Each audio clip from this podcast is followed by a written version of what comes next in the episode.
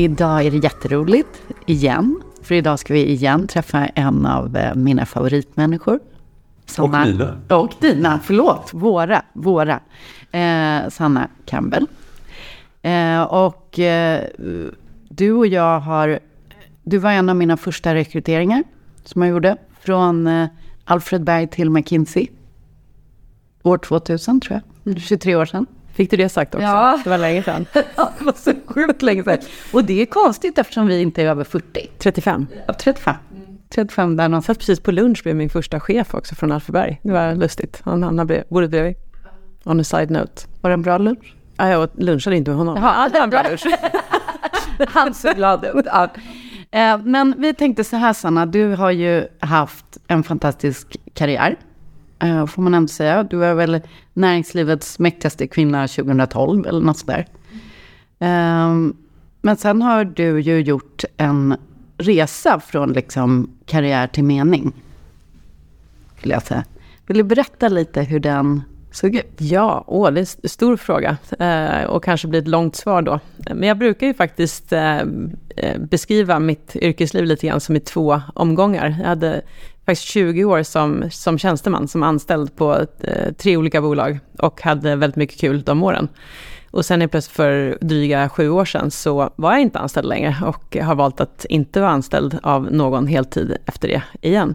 Så det är två helt olika, eh, två helt olika faser på det sättet också de här 20 åren som tjänsteman känns nästan overkligt att, att jag har haft nu när jag beskriver att det var så många år också. Men jag hade väldigt mycket roligt och väldigt spännande jobb och fick fantastiska möjligheter och fick ju bli eh, VD för ett börsbolag och utsedd till Sverige, näringslivets mäktigaste kvinna och massa häftigt. Så, um, hur kändes det då? Du var ju ganska ung.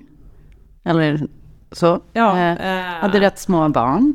Och så, så här börs-VD. Hur var det? Det var Eh, fantastiska år, eh, men också jätte, jätte utmanande och svåra år. Eh, det var... Jag har nog eh, aldrig tror jag lärt mig så mycket på, liksom, eh, vad man säger, drinking from a fire hose. Så, eh, och precis den känslan att jag kom ju hem varje dag och kände så här, herregud, eh, undrar hur många till sådana dagar som jag, som jag överlever. Så att jag var ju som en liten trasa. Men eh, så här i efterhand kan jag ju säga att det, jag skulle inte vilja vara utan det, för det formade mig mycket och gör att jag har fantastiska här, rikedomar av både jobbiga och fantastiska grejer som jag varit med om, som jag kan, kan använda mig av nu, när jag är i lite mer balans. Men det var inte så att jag gick runt och kände mig helt i balans, eh, framförallt de här vd-åren. Och jag var ung, jag var 38 när jag blev börs-vd och utnämnd till näringslivets mäktigaste och mina barn var fem och sju, så det var ju liksom intensivt på, på så himla många sätt. Um, men som man ofta gör, liksom, man snurrar ju in i sin egen värld och så, och så dras man med i det här, att, ja, att det känns så himla viktigt det man gör och eh, jag jobbade med väldigt bra människor ska jag säga i teamet. Jag hade ett riktigt starkt team. Jag har kontakt med många av dem fortfarande och eh, det kan så här långt efteråt så är det nog det jag är mest nöjd över och faktiskt mest stolt över. Att det var ett fantastiskt gäng människor jag, jag samlade på mig i organisationen. Och det var ju också det som höll mig uppe. Det var ju eh, de ansiktena som jag mötte när jag kom in på kontoret och eh, de som trodde på mig och jag trodde på dem och att vi trodde på att vi kunde göra något tillsammans. Det var ju det som var, som var grejen. Men det var första fasen då och sen när jag spottades ur det där ekorrhjulet och, eh, och liksom eh, ställ, ja, för första gången på ganska många år och fick ställa mig själv frågan, vad, vad vill jag egentligen? Eh, så hade jag inte tänkt på det på väldigt lång tid. Så, och då satt jag dessutom i karantän i ett halvår, så då fick jag inte, jag fick ju inte ta något jobb på en gång. Och, och så här i efterhand var nog det en väldigt bra sak, att eh, jag faktiskt var tvungen att, att ta det lite lugnt. Så, så dels så tog jag mig tid att göra lite annat som jag, jag kände mig väldigt, väldigt eftersatt i termer av mina andra behov som jag hade. Eh, att jobba var jag bra på, men sen fanns det ju massa annat som jag bara hade liksom lagt undan någonstans för... Som vad då till exempel?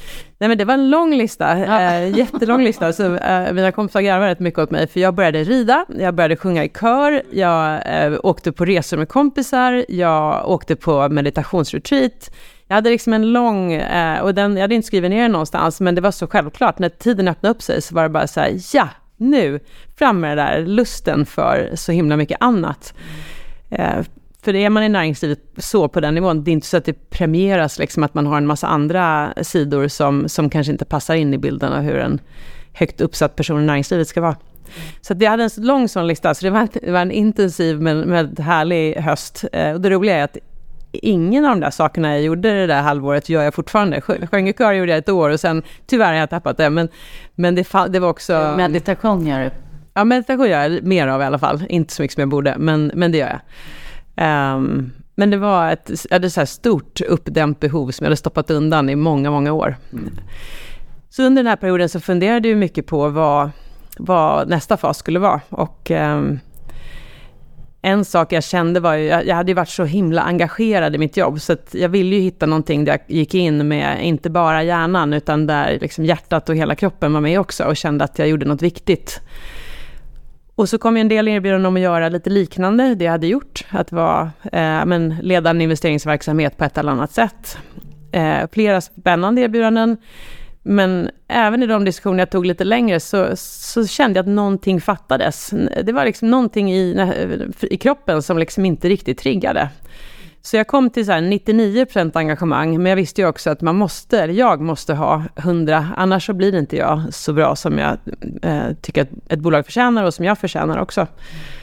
Så um, ja, var väl kanske lite vilse och funderade, fick jättemycket förfrågningar om styrelseroller, jättemycket, eh, men hade fått rådet av någon klok person att inte säga ja till en massa saker, så att jag var faktiskt väldigt cool den, den hösten som det här var. Eh, jag tror jag tackade ja till en sak och det var, i övrigt så tog jag det lugnt. Och sen var det någonting, var det två saker sen som hände någonstans kring, eh, något, efter något halvår sådär. Eh, dels så läste jag i Dagens Industri om vad Niklas Adalbert skulle göra med att starta Norrsken. Och det beskrev den här passionen kring företagande, men också passionen kring att göra världen till ett bättre ställe på något sätt. Och då kände jag helt plötsligt, det, var, det hände, det är nästan som en fysisk reaktion igen, att någonting händer och jag kände att fasen det där, det låter ju jäkligt spännande, det där um, ja, resonerar med någonting i, i mig. Så jag hörde av mig till Niklas och så tog det inte många veckor så började jag jobba med att bygga upp eh, Norrskens investeringsverksamhet där på halvtid, för jag kände inte heller att jag ville göra det på heltid. Eh, strax efter det så eh, dök en man som numera är ganska välkänd, för Peter Karlsson, som då eh, hade jobbat på Tesla, där jag hade träffat honom, han damp ner i Sverige och skulle starta ett eh, bolag som skulle make oil history och vi skulle eh, bygga världens grönaste batterier till eh, framförallt bilar och eh, men även till andra syften. Och han frågade om jag ville vara med och vara lite rådgivare och hjälpa till och resa lite kapital och sådär. Så att, eh, och det är samma sak där, det liksom kom åt en tillväxel i mig på något sätt. Om man helt plötsligt hittar den här, det här lustfyllda igen och det här totala engagemanget och eh, glädjen. Så det hoppade jag också på. Eh, och sen hoppade jag på någon, eh, någon grej till. Men jag, det var ju det var liksom någonting mer som, som talade till mig i termer av att eh, det här var bolag som inte bara var eh, bolag, utan som också hade eh, ett, en större betydelse än att skapa omsättning och vinst och jobb, vilket ju är jättefint också. Men det här var också bolag som skulle göra något bra för världen. Och då, ja men det hände någonting i mig. Eh, så att jag kände att det, här är det ju någonting. Och liksom, din omvärld då? Hur reagerade de på det här? För det, jag menar, Northvolt idag är ju väldigt credit och, och bra att du sitter i. Men då var ju det ingenting. Nej, det var... litet. Mm. Och även Norrsken var ju mm. liksom startup. Nej, men min omvärld reagerade väl lite olika, det var lite blandat. Um, jag tror att jag fick lite så här välgörenhetsstämpel på mig, att uh, det var någon headhunter som, som ringde och och eh, erbjöd mig något jobb som generalsekreterare för någon välgörenhetsorganisation och sa, ja men det är intressant att du har gett in på välgörenhetssidan, Sanna. Och det var inte alls så jag tänkte på det. Jag tyckte att jag var i liksom hardcore företagande, bara med en twist, det vill säga liksom bolag som ska rida på en positiv världsutveckling som eh, jag ju såg som den starkaste makrotrenden som skulle komma. Liksom. Vilket det ju också är. Ja, vilket det ju är. Tack och lov. Eh, tack, ja, tack och lov. Eh, tack och lov att man har rätt ibland också, inte bara fel. Men, men, eh, men då insåg jag ju också hur omvärlden uppfattade det här. De uppfattade att jag hade gått in i liksom, eh, göra gott-träsket. Och, eh, och mycket riktigt, när vi skulle resa pengar till Norrskens första fond, så var ju främsta frågan var, liksom, kan jag få tillbaka något av pengarna eller ger ni bort allt? Mm. Vilket ju, eh, för mig var lite så här, ja, ja, vi tänkte ju skapa bättre avkastning än vanliga fonder, inte sämre. Um, så det var lite, lite, bara lite olika mindset på det där. Um, så att omvärlden var väl lite eh, hesitant, eh, lite tvekande till uh, mitt val. Samtidigt som jag tror också det var lite sådär, ja nej, men nu, har hon jobbat hårt i de, alla de här åren så att nu kanske hon bara vill ta det lite lugnare. Uh, men det... Gör du det? Gör, tar du det lugnare, Sanna? Nej, det kan jag önska att jag gjorde. Men det är ju min sämsta gren, så nej, det gör jag inte. Utan det har blivit eh, minst lika mycket jobb. Omvärlden, om, omvärlden är en, eh, en pusselbit i en mm. förändring för en själv. Om man går tillbaka till själva skiftet, då är det sju år sedan som du slutade ditt, som du själv kallar det, tjänstemannaliv. Ja. Mm. Vad hade du för tankar kring saker som du kunde gå miste om, förlora i, i det här bytet? Nej, men det fanns ju jättemycket, men mycket kände jag också att jag hade förlorat på ett sätt eftersom eh, jag ombads att lämna det jobb jag hade, så det blev lite turbulent avslut också. Så det var ju inte... Um, det var inte så att jag, eh, att jag hade hunnit tänka igenom alla frågor innan, men när jag spottades ut på andra sidan så, så klart att då eh, det finns ju en status som kommer med, framgång och med ett fint jobb. Eh, så eh, det tappade jag ju. En tanke som slår mig, slog mig förstås, man spottas ut där, var jaha, är det någon som kommer vilja jobba med mig igen? Eller är det, var det här, was this it? Liksom, var det, där, det var min karriär, de 20 åren. Eh, sen ehm, visade sig ganska snabbt att det var väldigt fel, för det, folk ringde absolut. Och eh, det, de, eh, inte alla, men, men många av dem, eh, av de kontakter och relationer man hade, de överlevde faktiskt en sån här eh, smäll. Hur kändes det för dig med den smällen? För det var ändå, du vet, negativa skriverier och en, en, en ändå, kan jag tänka mig, jobbig situation. Ja, det var, det var jättejobbigt. Det... Eh, Ja, men för, för, en person som lägger mycket energi på sitt jobb, vilket jag alltid hade gjort, och som i viss mån man, man är liksom van vid att det går bra. Man blir lite bortskämd också när, när det är, man når framgångar och man får eh, ja, men allt från det här näringslivets mäktigaste. Jag känner mig allt annat än mäktig ska jag säga, när man går på en sån eh, smäll och man känner ett, ett sånt misslyckande som det kändes som. Så det var eh, en tuff le eh, lektion. Men också så här i efterhand en väldigt, eh, en väldigt bra. Så jag skulle inte vilja göra om det, men, eh, men så här i efterhand kan jag också vara tacksam att, att eh, det hände. För att jag, jag fick ju en chans att faktiskt eh, titta på saker och ting med lite nya ögon och, och välja om och börja från ett blankt papper. Och det är ju inte alla förunnat att man faktiskt, och i, viss mån tvingas man ju göra det, men, men ändå att, att jag gjorde det. Så det är jag så här sju år in otroligt tacksam för, för nu har jag ju fått eh, en helt annan, en helt annan värld som öppnar sig och eh, en väldig massa roliga saker, fantastiska människor jag jobbar med och en stor mening. Så, men det var inte roligt. Vad skulle du, liksom om, för de som står i begrepp att ta en sån roll, eller som kanske har fått lämna en sån roll, vad skulle du ge för råd? Ta det lugnt. Det är lätt att bli stressad och tycka att eh, det är bråttom att göra nästa sak. Eh, man, vill, man, man har ju något så här, man vill bevisa sig igen, att det är... Ja, men lite ja. revanschlust, absolut. Så hade jag sprungit in i något nytt så hade jag nog inte varit lika eh, jag hade nog inte gjort samma val då. Eh, och första veckorna så kliade det lite i en. Så de, när de första jobben det ringdes om, då var det så här, men jag kanske borde ta det för att då, ja, då bevisar jag ju att, bla bla. Ehm, men ett halvår in så var det lite andra kriterier som, som också fick vara med och bestämma. Sanna, många människor som har haft den typen av framgång som du har haft och prestationsmänniskor, eh, de är ganska rädda för att rucka på det. Att börja titta på sig själv och, och söka inåt. För att de är liksom rädda för att man förlorar någonting i det. Men du har ju gjort det. Hur känns liksom, vad har det gett dig? Det har gett mig otroligt mycket. Eh, och jag tror att för min del att det handlar om att Eh, jag har som alla ganska många röster som talar till men, men ibland känner jag att det finns röster som, liksom kommer, eh, som kommer inifrån på ett annat sätt och som säger någonting, eh, någon liten längtan efter något, någon, någon, något lite mer sökande, någon liten nyfikenhet som drar en i en viss riktning. Och jag har inte alltid varit snabb på att lyssna på dem, på den nyfikenheten. Eh, men över tid så jag, jag tappar ändå inte den där känslan av eh, någonting. Och, och är det någonting som försöker säga mig något i alla fall, så tycker jag att det säger lite subtilt först och sen blir den här inre rösten blir liksom starkare och starkare.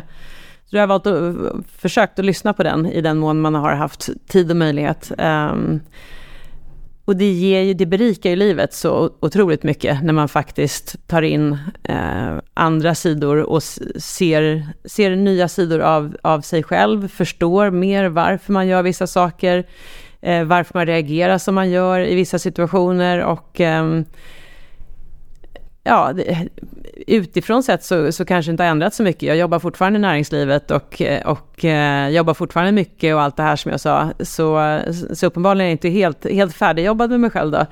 Men jag tycker ändå att det, det ger livet lite mer färg. Det är lite mer mångfacetterat. Det är inte bara svart och vitt och lite grått, utan en, en himla massa färger däremellan som jag också hittar i mig själv och i andra. Och det låter som du oftare och mer kan göra egna val än tidigare. Ja, det, och jag övar fortfarande ska jag säga. Jag har fortfarande mycket mm, eh, prestationsmänniska i mig. Och, eh, så ryggmärgsreaktionen är fortfarande sådär när man får någon fråga att, att, att, att dra iväg åt ett visst håll. Men, men jag är bättre på att och, eh, liksom, och fånga det. När det kommer någonting så är det så här, ah, men det där det borde jag ju, det är ju säkert bra för mig. Så det är liksom bra att, att, känna och höra den tanken och då stoppa mig själv i alla fall några sekunder. Och eh, jag övar fortfarande jättemycket på att säga nej. Mm. Att... Um, ja, för jag, får fantastiska frågor och chanser som eh, jag tackar nej till. Och det, det gör lite ont i en prestationsmänniska som, som jag, men det är också väldigt befriande när man eh, sätter sina egna behov och ehm, andra andra sidor än prestationsmänniskan i fokus en stund. För folk som känner så här, för, för jag i min eh, roll som headhunter så fick jag ju ofta så här känslan, folk som jag hade, både kunder och kandidater som jag jobbar med som var så här, nej nu är jag jätteframgångsrik och jag har kommit jättelångt, men jag känner mig helt tom.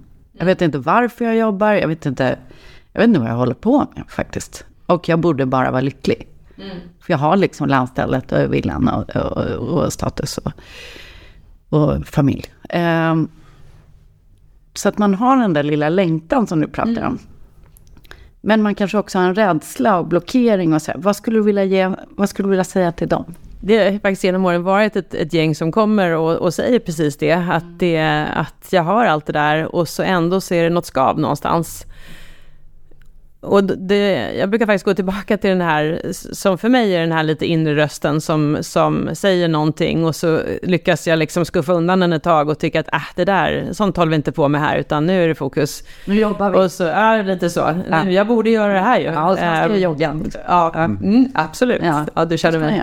Men, eh, men den där rösten, den släpper ju inte taget. Så jag brukar faktiskt säga det till dem att lyssna på den här inre rösten. Vad säger den? Liksom? Vad, är, vad är längtan? Vad är... Um, ja, vad är, vad är det för någonting som är det här skavet och faktiskt utforska det istället för att bara stänga av det. Och det kan man ju behöva hjälp att göra. Vissa är jätteduktiga på att göra det själva, men sådana här program som Human Core-programmet kan man ju gå och verkligen få hjälp att liksom känna, känna på det här skavet och, och försöka lyssna på den här rösten och hitta den. Jag måste säga att det, eh, ja, man får ju ofta höra folk eh, i ens närhet som säger nej men jag kan inte stanna upp liksom, då är jag rädd vad som, vad som händer då. Men min, i min värld så blir livet bara rikare. Sen kanske det för med sig att man vill fatta ett par svåra beslut. Till exempel jobba mindre om man är en sån som, som eh, har hållit på alldeles för mycket med det. Men vill man leva ett liv utan att ställa sig den frågan då? Om det är den frågan som faktiskt kommer från en. Det, mm, då är det bättre att, att ta den tidigt och i så fall fatta de kanske svåra beslut som, som behövs för att faktiskt kunna leva det här enda livet vi, vi lever på, på det sätt man ska. Man kan aldrig vara säker på att, att den frågan inte kommer när det är lite för sent. Om man inte tar, tar tag i den. Nej, och i, alla fall i, eh, om du frågar mig, så den här rösten, den slutar ju inte.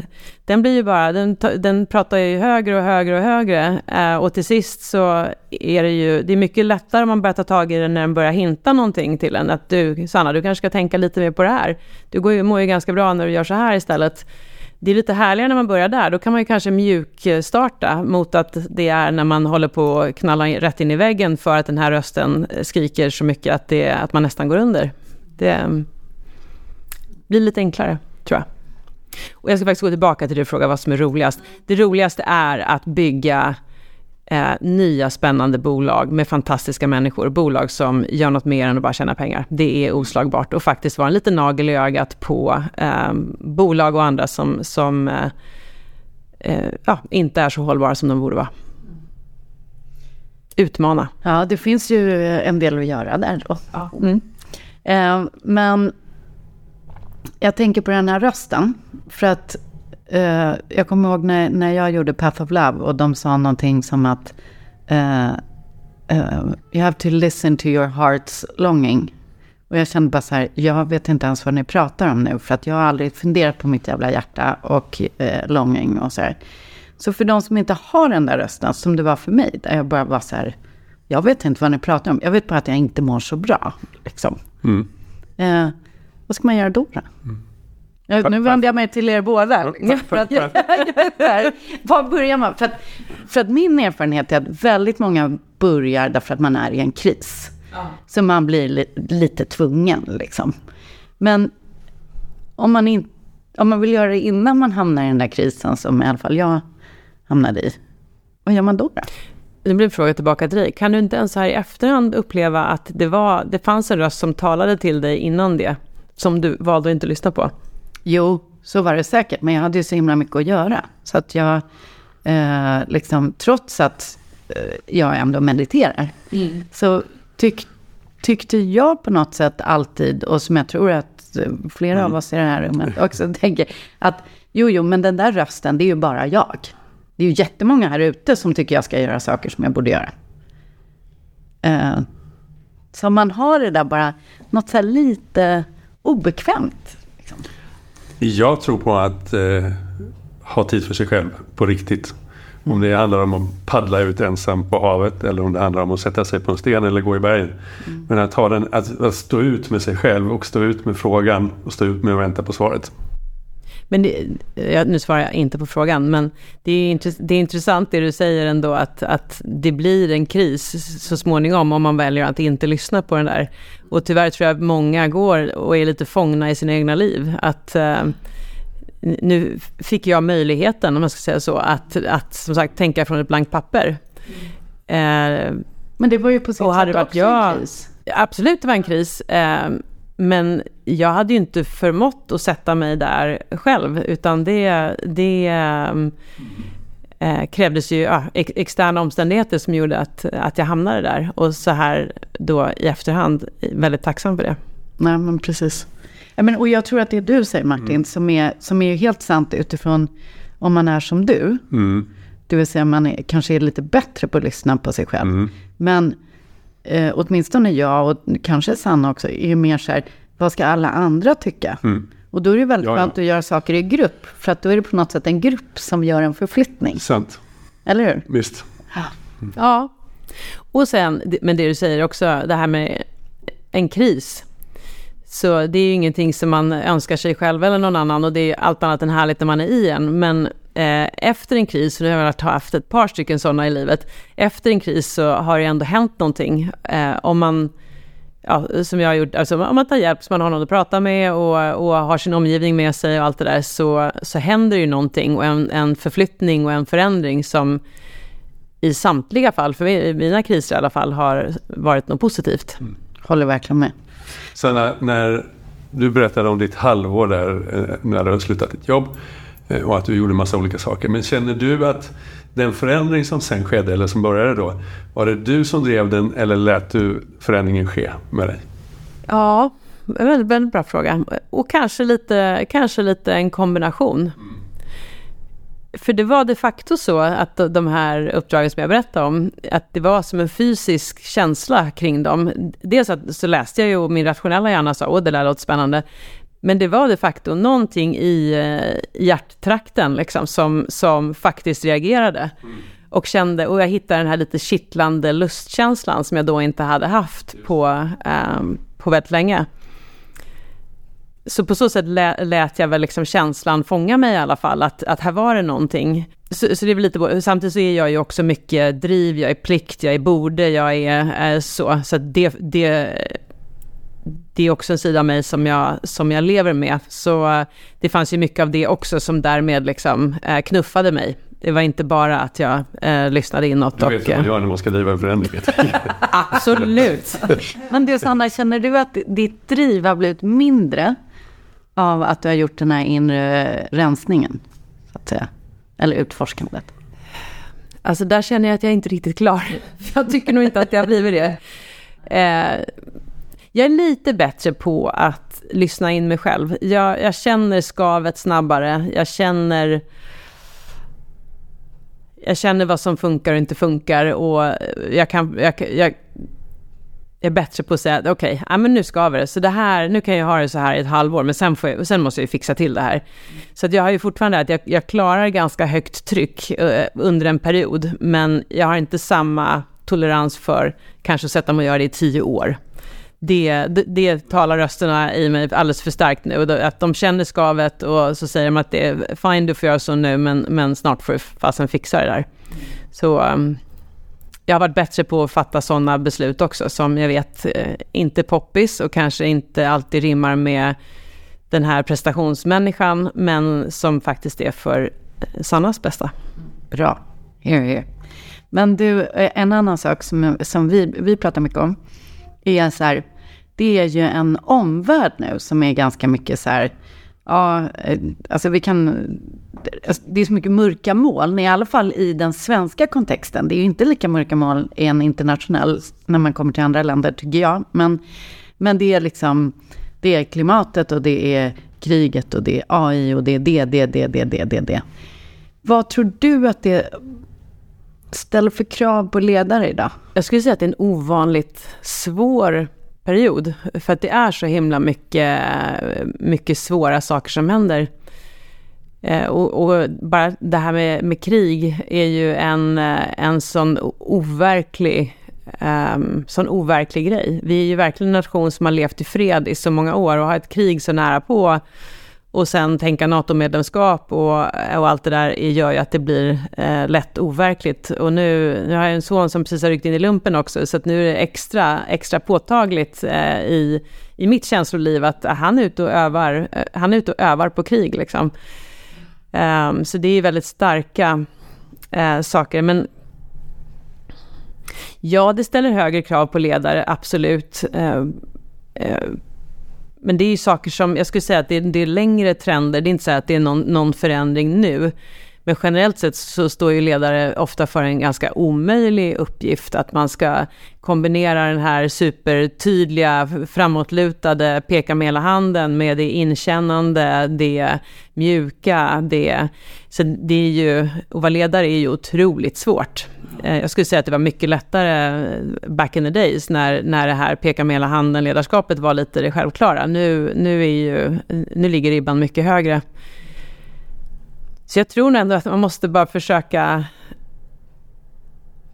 Jag tror att man, man har mycket mer nytta idag av att vara mycket mer i kontakt med hela sig själv och inte bara en del. Just för att klara att möta människorna som, som man jobbar med. Och eh, riktigt duktiga människor eh, förväntar sig det, i alla fall min erfarenhet, att de förväntar sig att man möter dem inte bara liksom intellektuellt och, och liksom att det finns ambitioner och planer och, och, och faktiskt att det finns en, en hållbarhetstanke, för det ja, väldigt många talanger kräver ju det. Men också att man faktiskt är där som människa och är närvarande och och det är ju lätt i framgång och i lätta beslut, men det är ju tufft i motgång och i tuffa beslut att också vara där som människa. Alltså försök att göra av med folk och sitta där som människa. Alltså det gör ju, det gör ju ont att göra, göra sig av med folk när man också känner in vad det är man gör. Men verkligheten är ju verkligheten. Så um, det är höga krav. Och, och de andra känner ju att man känner med dem. Ja, men att sitta där och inte känna med dem, är ju, det är ju inte något bättre alternativ, utan det är... Um, men det är svårt. Det gör att det, jag kan avundas de här gamla ledarna på ett sätt, när, liksom, när man eh, gjorde och inte tänkte så mycket. Mm. Nu, eh, nu ska ledare känna in det där också, så det är klart att det är tunga grejer som många behöver sitta och göra sina jobb. mm. handlar om att stå ännu mer stadigt i ett gemensamt syfte med det man gör. Ja, ja. Och det tror jag är kämpigt för många storbolag, framförallt lite äldre bolag, att um, det, ja, syftet är ibland, känns ibland nästan lite påhittat. För att det inte är så himla tydligt vilket uh, samhälleligt uppdrag och, och, roll man har. Vad, vad bidrar vi faktiskt med? Mm. Så uh, på så sätt är det lite lättare i den världen som jag jobbar mest med, att uh, vi har en så tydlig idé varför vi finns. Och det, det förenar ju och skapar energi och gör ju att de här långa timmarna man lägger, det, det är ju uppenbart meningsfullt mm. för att vi löser ett stort problem för världen. Och det, den storyn är mycket lättare eh, att att sälja in till de anställda. Och den är ju lättare som ledare också när man står och säger absolut, jag vet, nu går vi på knäna, det här är för jäkligt. Och jag vet att många av er tycker det är tufft, men vi gör ju det för att eh, vi måste lösa klimatutmaningen. Och vår pusselbit i det är så viktig. Så att nu, nu får vi ta i från, från tårna ett tag här. Och eh, ja, det, för mig är det ett budskap som mycket mer liksom, det, det, det funkar ju, det hänger ihop. Man kan tänka att de gamla 100-150-åriga bolagen, väldigt fina svenska bolag, skulle göra ett omtag på det här. Mm. Inte minst ur hållbarhetssynvinkel. Ja, och det tror jag många gör, to be fair, också. Att, äh, att de tittar på en lite större, större bild. Men jag tror att det finns ännu mer att göra för många. Och, och, och jag tror att det är extremt viktigt idag att också, om man nu sätter en sån, många av de här gamla bolagen försöker jobba med sitt why och varför vi finns och allt det där. Sen tyvärr så kanske man inte gör tillräckliga riktiga förändringar långt ner i organisationen, att man de facto lever efter det här man säger. Och det tror jag är det mest demotiverande eh, man kan göra för anställda, som först kanske går igång på ett sånt här budskap att nu, liksom, det här är vårt syfte, det här är varför vi finns. Och sen ser man att beslut fattas på precis samma sätt som det gjordes för ett halvår sedan. Eh, så det är ingen reell förändring. Och då ekar det ju väldigt eh, tomt. Ja, då får det motsatt effekt, verkligen. Ja. Eh, men jag kommer ihåg, det är inte mer än nio år sedan som väldigt tung företagsledare sa till mig, apropå mitt engagemang i Allbright, sa så här, nej men alltså du måste ju förstå att det här med hållbarhet kommer aldrig bli en affärsstrategisk fråga. Alltså ESG. Och det, det är så kort tid sedan. Liksom. Uh, och även senare har man ju hört, har vi alla hört den typen av uttalanden. Uh, men det kommer ju inte att hålla. Nej, och där har det hänt jättemycket. Som sagt, bara sju år sedan så, så var det så här, ska du pyssla med välgörenhet, ja. Sanna? Eh, och nu är det ju ingen som säger det längre. Nu, nu fattar ju folk mycket, mycket mer. Och som sagt, jag upplever att storbolagen försöker förändras. Så man måste ju liksom få för, låta förändringen genomsyra allt. Det kan inte bara vara bara vad man säger. Det måste ju vara vad man gör och hur man fattar beslut och hur, um, ah, hur ser efterlevnaden ut av allt det där på alla nivåer. Mm. Och det är väl där det fortfarande brister lite grann i på en del håll tror jag. Ja, men det, det är ju en, flera styrelseledamöter som jag pratar med som säger att liksom, problematiken nu är att man har lagt de här frågorna på en hållbarhetschef. Mm. Men nu måste det in i hela verksamheten på alla, alla hela ledningsgruppen behöver ägaren. Det, det går inte att man försöker ta det som en enskild fråga. Och det är väl det du säger också. Det sa faktiskt eh, Peter Karlsson sa det så bra när vi satt och debatterade någon, någon sån här fråga kring hur skulle göras någon, någon audit på att vi verkligen fattade alla beslut så, så eh, hållbarhetsfokuserat som vi, som vi ska och som vi säger. Så han, ja, ja, kom och gör en audit. Det, det, jag har, nu minns jag inte hur många anställda det var då, men säg att det var 3000 då, då när han sa det. Um, jag har 3000 internal auditors vad gäller mina hållbarhetsbeslut, så att jag är ganska trygg med att det funkar. Och har man en stark kultur som bygger på uh, en resa och en, en, ett mission så starkt, då kommer ju anställda in med precis de ögonen. Så att mm. inom Northvolt, det ifrågasätts ju hela tiden om vi gör tillräckligt mycket. Om vi, eh, skulle vi inte kunna göra ännu lite mer där eller lite bättre där eller vilket är otroligt häftigt att se på insidan hur, eh, eh hur passionerat det är. Men det, också, det kräver att man, eh, att man lever på det sättet. Det är som H2GS, mm. samma sak. Ja. Mm. Vi pratade förut om de, alla de mörka moln som finns. Men ett, ett, ett ljust moln som vi ser i vårt jobb. Det är att fler och fler ledare eh, faktiskt öppnar upp för att undersöka sig själva lite, lite grann. Ser du det i ditt jobb? Jag kan inte säga att jag ser det liksom en masse, men generellt så tycker jag nog att det är lite mer tillåtande att man gör det. Um, sen vet jag inte om det är mer den lilla bubblan jag lever i, eller man, man tenderar lite grann att omge sig kanske med människor som är mer som man själv är. Så uh, det kanske är en positiv bias då. Men jag tycker att det fungerar bra i alla fall att, uh, att vara en sån person. Och um, vi tenderar ju att hitta varandra också. Så, och på så sätt kan man ju stötta varandra. För det, det, man, blir inte mer, det, man blir inte dysfunktionell i näringslivet för att man också vill, vill se andra delar av sig själv. Utan det, men det, det är viktigt att hitta kanske bundsförvanter som man har att prata med och bolla med. Och eh, ja, man kan diskutera med hur man ska förhålla sig till olika saker. Och, och det ljusa i det molnet är ju att många människor i den processen också börja titta på lite vidare perspektiv på vad man kan, vad man kan göra, ska göra i sitt liv. Mm. Ja. Och det, det vi pratar om är egentligen det här att resan från att lite robotaktigt göra det som man är programmerad att göra till att ta reda på vad man faktiskt på riktigt brinner för. Ja. Men jag tror också att ju mer ju mer forskning och liksom, evidensbaserat det finns kring hur bra meditation är och hur, alltså alla sådana saker, det underlättar ju lite grann för de som går i den här lite robotfåran, för visar forskningen att det är bra att meditera så kanske lite lättare att acceptera att man också mår ganska bra av det. Och att det är okej okay att åka på ett meditationsretreat, att det, inte, det är inte något flum-flum, utan det här, det är faktiskt de facto bra för hjärnan. Det är värt några minuter. Ja, men det, så jag tror att det är det är nog bra att det kommer fram mycket objektiva fakta också, att mm, det, det faktiskt är, är bra för, för oss rent fysiskt också. Men jag håller med dig, jag tycker det blir mer och mer tillåtande. Och också lite tillbaka till det vi sa, det lite, för att det förväntas lite mer av ledarskapet. Du måste vara med på riktigt, dina medarbetare kräver det. Och då ser vi att eh, blir man för robotlik så klarar man ju inte att matcha de, de kraven som medarbetarna kommer med. Så så det kräver ju lite grann att du utforskar dig själv för att kunna vara en bra ledare. Ja, men folk ser igenom fasader ja. på ett helt annat sätt. Och det är också ett samhälle idag där eh, du kan liksom inte gå till jobbet. För 15 år sedan när jag gjorde intervjuer, djupintervjuer, då var ju många så här, ja, pr prat, på jobbet är jag så här och hemma är jag så här. Det går ju inte. Mm. Nej. Nej. Det går inte. Nej. Det är liksom, allting flyter ihop. Ja. Jo men både på, på riktigt att det flyter ihop, för man jobbar både hemma och borta och telefonen har man med sig hela tiden.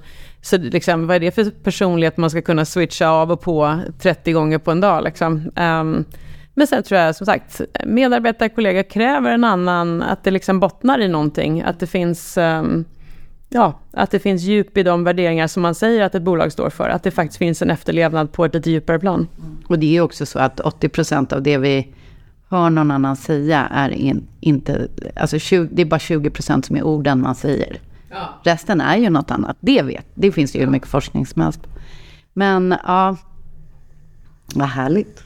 Mm. Nej men sen tänkte jag på det här med ledarskap idag. Jag tror också att det här att kunna liksom se det ljusa, se möjligheterna framåt.